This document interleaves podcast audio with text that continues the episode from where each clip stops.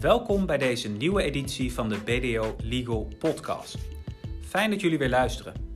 In deze podcast praten we jullie bij over interessante en belangrijke thema's op het gebied van het arbeids- en ondernemingsrecht.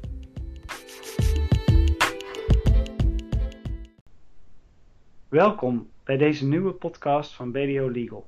Vandaag praat ik met Stefan Zunic, privacyrechtjurist, en Rami Mohammed, arbeidsrechtjurist, beide bij BDO Legal. Mijn naam is Jiri Verschuren en vandaag gaan we het hebben over privacyrecht en corona. Welkom heren. We gaan vandaag wat privacyrechtelijke aspecten van corona eh, behandelen. En de eerste vraag die ik zou willen stellen is: wat is eigenlijk de impact van het coronavirus op de privacy van de werknemers? Stefan. Uh, ja, wat is de impact? Uh, ik denk dat de meeste privacyristen wel weten dat de uh, autoriteit persoonsgegevens, uh, de Nederlandse privacy toezichthouder, ehm, wel een strikte leer hanteert. Ehm, echt een, een, een streng regime op vlak van verwerken van medische gegevens. En aan het begin van de coronacrisis was er ook geen aanleiding, althans voor de AP, om daar echt van af te wijken. volgens de AP had, heeft de werkgever eigenlijk ehm, ja, bijna nooit het recht om medische gegevens van werknemers te verwerken. En aan het begin van de coronacrisis was dat ook niet echt uh, veel anders. Uh, in volgens de AP dat de werkgever niet mag bijhouden waar de werkgever, werk, werknemer uh, op vakantie is geweest. Dus als jij ook weet uh, dat mijn werknemer die is op vakantie in Noord-Italië geweest, ja, dat zorgt natuurlijk voor praktische problemen met de strikte leer van de AP. Dat je weet dat het besmettingsgevaar gewoon aanwezig is. Ook temperatuur van de werknemers uh, mag je volgens AP ook niet uh, meten of vastleggen. Mm -hmm. Dus dat, je kan me voorstellen dat het in het begin voor veel werkgevers een, een, flinke uitdaging was. Ja. ja, het is ook iets wat natuurlijk een werkgever niet, ja, niet aan heeft zien komen. En wij allemaal niet, denk ik, het, het coronavirus. Um, dus ja, ik kan me voorstellen dat er veel vragen bij werkgevers uh, leven over van ja, wat, wat moet ik, mag ik uh, wel of niet bij, uh, bij werknemers. En dan begrijp ik dat de AP vooral in het begin van de coronacrisis erg strikt in de leer was.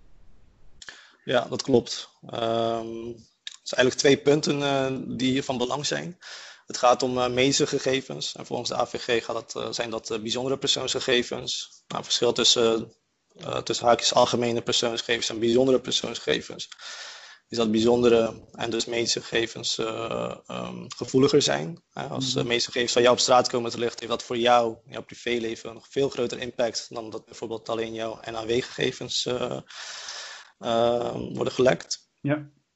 Tweede punt, en dat heeft dan in samenhang met de strikte leer van de, van de AP, is dat uh, de relatie tussen werkgever en werknemer, de werknemer altijd in een afhankelijkheidspositie uh, uh, zit. En um, een van de, ja, even opnieuw.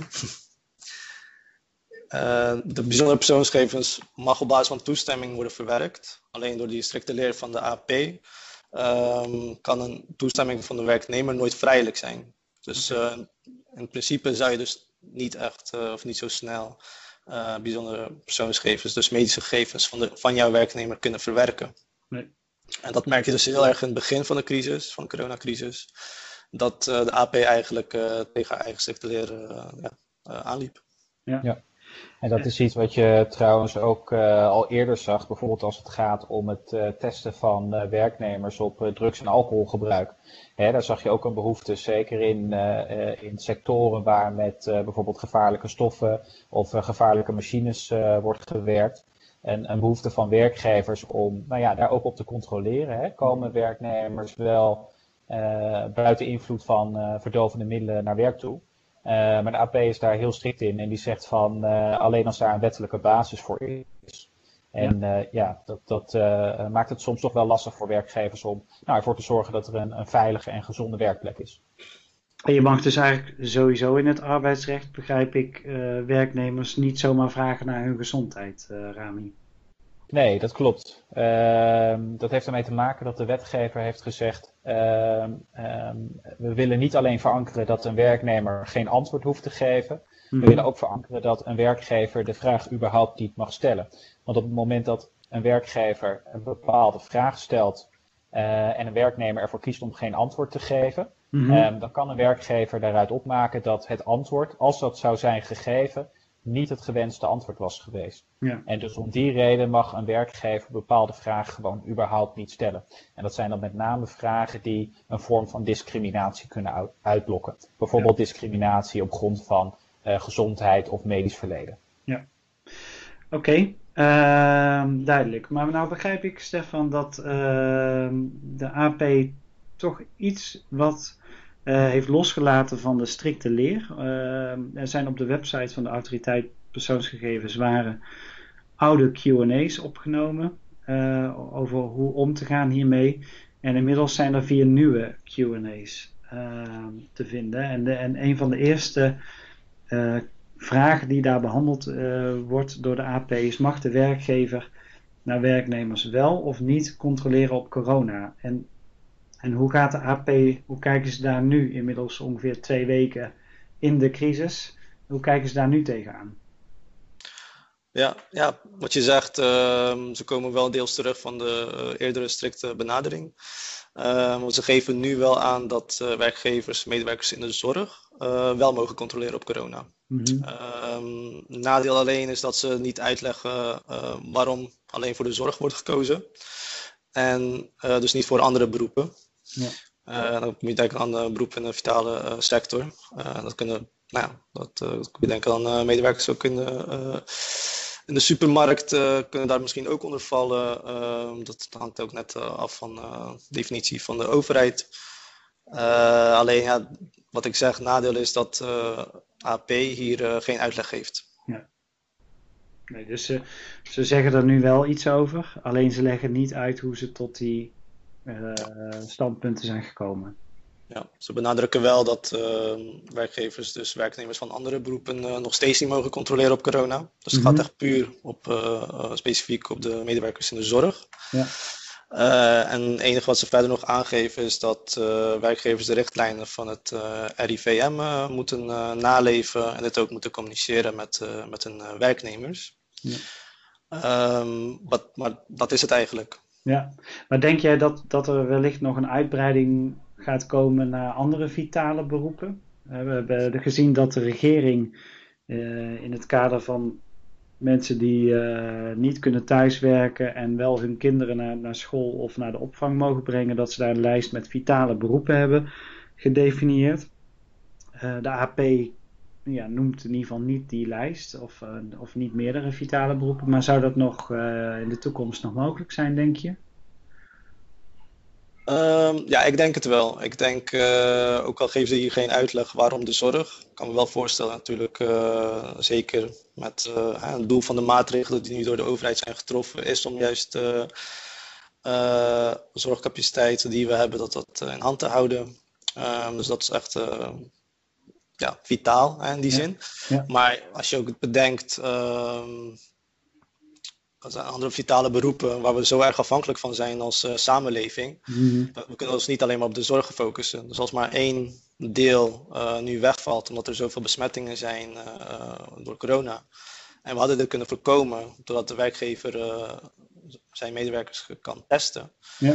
Ja, dat zijn wel vragen die je kan stellen van moeten we dat niet uitbreiden? En naar Ja. mijn mening zouden we hier wel vitale beroepen van moeten maken. En de lijst hanteren die de overheid nu hanteert met de getroffen maatregelen. Ja. En, en uh, Rami, wat zou de reden zijn dat nu voor de zorg dit al wel uh, bepaald is? Is dat het Ja, zelf. vitaalste beroep? nou ja, eh, ik denk zelf dat het ermee te maken heeft dat uh, mensen in de zorg gewoon eerder met een, corona, een mogelijke coronabesmetting in aanmerking komen. Ja. je bent wellicht mensen aan het verzorgen die het coronavirus hebben opgelopen ja, dan is de kans gewoon een stuk groter dat jij zelf die besmetting ook oploopt. Ja. Dat in combinatie met het feit dat mensen in de zorg hard nodig zijn. We, zijn, we hebben natuurlijk al langere tijd in Nederland een tekort in de zorg. Uh, maar ik denk ik dat voor deze groep nu is gezegd, uh, daar mag je wel voor testen. Dat is echt in het in het algemeen belang van Nederland. Ja, maar dan zie je dus dat in principe als de nood maar hoog genoeg is, dan kun je dus het soort van algemeen belang boven de privacy belangen van werknemers stellen.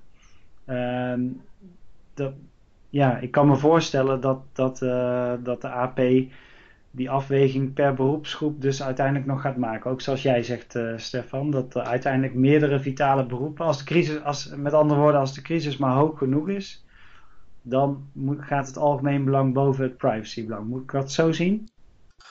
Um, ja, het uh, per crisis? Uh, ik, ik, denk deels wel. Uh, ik denk wat wel een gemiste kans is van de AP, wat ze hier wel beter hadden kunnen doen, is ehm, veel duidelijk aangeven waarom zorg, mm -hmm. althans zorgpersoneel, ja. met concrete voorbeelden komen um, en waarom juist nu in de coronacrisis dit nodig is. Ja. En eventueel dat ze nu al aangeven van we kunnen dit misschien uitbreiden met andere beroepen, andere vitale beroepen. Um, en vooral die uitleg van waarom uh, wijken we af van uh, de eerdere strikte leer. En dat is denk ik voor heel veel, uh, zeker voor prijsjuristen, is dat nu echt de grote vraag. waarom opeens die omschakeling? Ja. Wat, wat, we allemaal wel snappen natuurlijk. Maar een uitleg had hier wel echt meer duidelijkheid verschaft. Ja, oké. Okay, um, ik begrijp dat, dat nood breekt soms wet. Maar mag de werkgever inmiddels dan komen we bij de tweede QA van de, van de AP. Mag de werkgever werknemers ook vragen om hun eigen gezondheid te checken? Dus als werknemers wel op het werk verschijnen, uh, ja, mogen ze dan zeggen van, goh, hoe gaat het met je? Uh, zou je niet je temperatuur zelf opmeten? Want eh, ja, werkgevers mogen het dan blijkbaar niet. is dat een gerechtvaardigd belang, Rami? Maar werkgevers mogen op zich best vragen aan werknemers om hun eigen gezondheid te checken. Uh, zeker in deze tijden denk ik dat werkgevers ook een bepaalde zorgplicht hebben richting het personeel. Ehm, dat betekent dat je personeel moet informeren over nou, wat zijn de gevaren van uh, het coronavirus, hoe kan je het oplopen en wat kan je doen om de kans op besmetting zo klein mogelijk te houden. Um, en, en natuurlijk ook um, als je bepaalde klachten hebt, zoals die door het RIVM zijn aangeduid, um, ja, wat moet je dan doen? Hè? Belangrijk voor werkgevers om werknemers daar goed over te informeren. Ja. Oké, okay, dus informatie verschaffen aan elkaar in deze tijden, dat, dat is van groot belang. Zeker, ja. Oké, okay, en mag een werkgever dan een, een, zieke werknemer ook naar huis sturen? Als je echt ziet dat iemand uh, de ziekteverschijnselen vertoont? Nou, als het gaat om de ziekteverschijnselen die horen bij het coronavirus, dan zou ik zeggen zeker. Uh, sterker nog, dan uh, heb je als werkgever een plicht tegenover die medewerker, maar ook tegenover de rest van het personeel om nou ja, de medewerker met de ziekteverschijnselen naar huis te sturen. Um, als het gaat om andere ziekteverschijnselen, die bijvoorbeeld niet per se passen bij het coronavirus, ja, dan ligt het wat genuanceerder. Dan is het echt afhankelijk van wat is er nu precies aan de hand met die werknemer. Als dat ook een gevaar oplevert voor uh, collega's, dan zou ik eerder geneigd zijn om te zeggen, ja, dan moet je zo'n werknemer inderdaad uh, naar huis sturen. Uh, maar is dat niet zo? Hè? Er kunnen ook bijvoorbeeld bepaalde lichte klachten zijn die verder niet van invloed zijn op collega's. Um, dan ligt het een stuk lastiger. Okay. Um, twijfel je als werkgever, dan is het advies doorgaans om gewoon contact op te nemen met de bedrijfsarts. Die kan daar vanuit een medisch oogpunt over adviseren. Ja. En uh, Stefan, de AP, wat heeft hij daarover gezegd? Dat, dat het nu dan wel mag? Ja, eigenlijk wel deels in lijn met wat Rami eigenlijk aangeeft. Alleen de AP die voegt er wel aan toe dat het een uitzonderlijke tijd mag worden verlangd van de, dat mag worden verlangd van de medewerker dat die ook meewerkt. Mm. Dus dat je daarom ook met die symptomen die Rami ook net noemt, dat je een werknemer naar huis mag sturen. Maar ook hier geldt, ze noemen wel uitzonderlijke tijd, maar zonder duidelijke definitie van wat staan we onder een uitzonderlijke tijd. Nou, dat het coronavirus daar wel onder valt, dat is nu wel duidelijk. Mm -hmm. uh, maar wat uh, kunnen we dan in de toekomst verwachten dat we hier ook onder mogen scharen? Uh, is dat in elke virusgerelateerde crisis en hoe groot moet een crisis zijn? Ja. Ehm, dat, dat is nog steeds onduidelijk. En ook hier geldt weer van weer een gemiste kans van de AP. Ja. Om hier meer duidelijkheid te verschaffen. waar juist veel juristen op zaten te wachten. Dus dat is wel jammer. Ja, oké. Ehm, maar goed, ik begrijp toch dat de AP begonnen is met de strikte leer die ze al eigenlijk al twee jaar toepassen bij de AVG om die door te trekken. Maar dat ze nu ja, iets of wat bij, bij lijken te komen. Stefan, wat zou de, de reden kunnen zijn dat zij een beetje bijdraaien nu? Ja. Um, ja, het is een aanname, maar uh, dat, dat, hebben ze natuurlijk niet op een uh, website uh, geplaatst. opeens waren die oude QA's verdwenen. Um, en zonder uitleg waar, wat, hè, waarom ze opeens zijn, van koers zijn veranderd. Maar ik denk dat het wel te maken heeft met verklaring van de Europese toezichthouders, de European Data Protection Board, dat zij eigenlijk met een standpunt zijn gekomen van uh, dat het verwerk van meeste gegevens in het kader van coronavirus wel uh, um, meer mogelijk is dan we eigenlijk al dachten op grond van AVG. En nou, dan moet je denken aan redenen van algemeen belang op het gebied van volksgezondheid of van vitale belangen, om die te beschermen. Dat is ook te zien in artikel 6 en 9 van de AVG. Ja. En hier wordt gewoon duidelijk gemaakt door de, door de Europese toezichthouders van hey, de AVG biedt gewoon meer mogelijkheden dan, uh, dan eigenlijk werd gedacht. Uh, althans, door sommige toezichthouders. Mm -hmm. En ik denk uh, dat in combinatie met dat, de uitleg hiervoor van de AVG of de, van de AP dat zij gewoon tegen de muur aanliepen. Want ja. werkgever was zo erg beperkt dat het regime die al heerste, daar, daar kon de werkgever niks mee. En we leven nu gewoon in een hele bizarre situatie, een hele uitzonderlijke situatie. Um, voor iedereen is dit wel wennen, omschakelen. Uh, enige jammere vind ik hier wel dat uh, de AP uh, toch niet de uitleg heeft gegeven van waarom gaan we opeens een andere koers. En ja, als je, wat je zegt, als je twee jaar lang ehm, een strikte koers volgt, dan is dit toch wel waard om te vermelden en uitleg te geven. Ja, ja eens. En wat mij eigenlijk ook opvalt, is dat werknemers zelf niet of nauwelijks worden voorgelicht door de, door de werkgever of de uh, Rijksoverheid over hoe het op dit moment met hun privacyrechten gesteld zijn. Dat ik kan me voorstellen dat ja, bij, bijvoorbeeld bij de distributiecentra van de, van de supermarktketens gaan mensen naar hun werk en die worden natuurlijk daar overvallen door van, ja, mag ik even je temperatuur opmeten? Nou, ik, ik, ik, zou als medewerker niet weten of ik dan moet zeggen van, nou, dat mag niet op grond van de AVG. Uh, of of uh, ja, laten we maar doen. Ja. Dus uh, volgens mij is er ook nog een, een hele wereld te winnen aan voorlichting aan werknemers op dit vlak. Ja, sterker nog, je hebt, ja, je hebt toch uh, je hebt de beginselen van, uh, van uh, de verwerking en de standaard beginselen om het zo te noemen. Mm -hmm. dus zeker als je met de meeste gegevens te maken hebt, gevoelige data, en, als het op straat komt te liggen, een hele grote impact op de werknemers. Ja. Er zijn toch altijd bepaalde beginselen die je in acht moet nemen.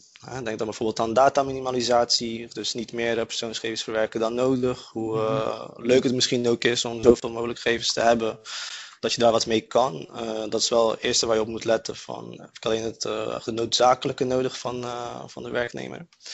En denk ook aan doelbinding.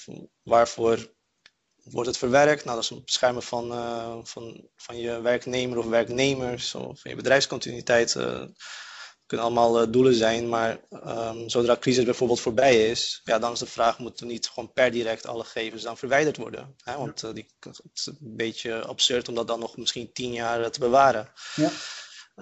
Um, en eigenlijk wat je ook net zei, transparantie en het informeren van, van de betrokkenen. Uh, dat zou eigenlijk prio nummer één moeten zijn. Hè? Dat iedereen wel weet wat zijn rechten zijn, wat er met gegevens wordt gebeurd en zoveel mogelijk informeren over de situatie waar we nu leven. En het verwerking van de medische gegevens door, de, door de werkgever of door iemand anders. Ja, dat, dat moet, hoe meer de betrokkenen geïnformeerd is, hoe meer die ook weet van zijn rechten. En kan hij ook die rechten uitoefenen. Ja. En dat mag niet van een, werk, van een werknemer verwacht worden dat hij dat uit zijn hoofd kent. Nee. Oké. Okay. Uh, nou, duidelijk. Volgens mij uh, is er nog, uh, nog winst te behalen met voorlichting. En, eh, en ook ja, hoe de AP de komende tijd met deze coronacrisis en de invulling van de AVG omgaat. Ehm, dan is er natuurlijk nog iets, hè. we hebben al gezegd, het is een uitzonderlijke tijd. Um, bestaan er nou nog meer risico's of aandachtspunten nu we, nou, een groot deel van Nederland thuis aan het werk is?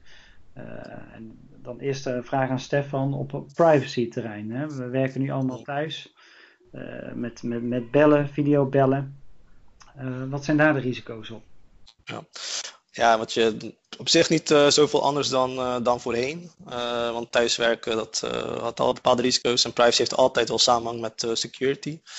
Dus je kan me voorstellen dan zeker nu als je thuiswerkt en je hebt kinderen om je heen en je hebt een laptop van de zaak, een tablet van de zaak, mobiel van de zaak. mogen, die, mogen jouw kinderen misschien daarop spelen en kan het niet zo zijn dat zij dan per ongeluk bepaalde persoonsgegevens verzenden naar iemand die het eigenlijk niet hoort te ontvangen. Mm -hmm. uh, maar denk ook ehm, aan videobellen. Ehm, ik zie dat heel veel mensen op social media een screenshot maken van een, een conference call of met videobellen. En dat plaatsen met alle goede bedoelingen, uit positiviteit, van nou zo pakken wij dat aan tijdens de crisis. Um, maar onderschat niet dat iemand met kwade bedoelingen heel veel informatie kan halen uit zo'n screenshot. Hè. Bijvoorbeeld een bankpas, weten we welke bank je zit. Bepaalde NAW-gegevens zijn zo gevonden. Misschien nog andere documenten die te zien zijn en in te lezen. Um, of het hacken van zo'n call en de, de, de gevoelige informatie eruit halen. Um, dus ik zou daar wel heel erg op uh, waakzaam zijn. Hè? Wat ja. plaats je op social media en uh, wat zeg je tijdens zo'n call? Um, nou, dat uh, zijn allemaal aspecten om wel mee te nemen. Ja, precies. En ook het, ik, ik kan me voorstellen dat er ook meer daaruit voortvloeiend meer phishing mails komen. Ja, mensen weten dan blijkbaar van waar je bankiert en dan krijg je vervolgens een, een mailtje van jouw bank, zogenaamd. Uh, dat zijn allemaal dingen om, uh, om op te blijven letten. En uh, Rami, nog even vanuit arbeidsrechtelijk perspectief. Hoe zit het eigenlijk met de controle op het thuiswerken door de werkgever? Nou, dat is een goede vraag. er zijn nu natuurlijk heel veel mensen die ineens thuiswerken. veel werkgevers waren daar niet of onvoldoende op voorbereid. Wat belangrijk uh, is om te weten is dat uh, het controleren van werknemers tijdens het thuiswerken uh, zeker een inbreuk op privacyrechten kan opleveren. Dat is het geval op het moment dat jij als werkgever fysiek langs gaat bij zo'n werknemer om te controleren of iemand aan het, aan het werk is. maar ook als je op afstand kijkt van wat is die werknemer nu precies aan het doen. En daarom is ons advies om altijd een thuiswerkreglement op te stellen, voor zover die er nog niet is. en daarin te regelen op welke wijze uh, en op welke gronden controle kan plaatsvinden. En wij hanteren altijd het uitgangspunt dat controle in eerste instantie zoveel mogelijk steeksproefgewijs en geanonimiseerd plaatsvindt. Mm -hmm. Bijvoorbeeld door dataverkeer te analyseren. En pas op het moment dat er hè, een concreet vermoeden van een, een misstand is, uh, dan ga je een gerichte controle uitvoeren. Uh, waarbij het ook verstandig is om voorzorgsmaatregelen te nemen voor nou ja, bepaalde vormen van communicatie die je buiten schot wil houden. En daarbij kan bijvoorbeeld gedacht worden aan berichten aan of van bedrijfsartsen, eh, werknemers met een vertrouwensfunctie, zoals een OR-lid of een vertrouwenspersoon, of berichten eh, waarvan al uit de titel blijkt dat die van persoonlijke aard zijn. Dat zijn berichten waar je als werkgever weg van wil blijven. Oké. Om daar nog uh, een stuk aan toe te voegen, het uh, controleren van uh, medewerkers is in beginsel niet verboden.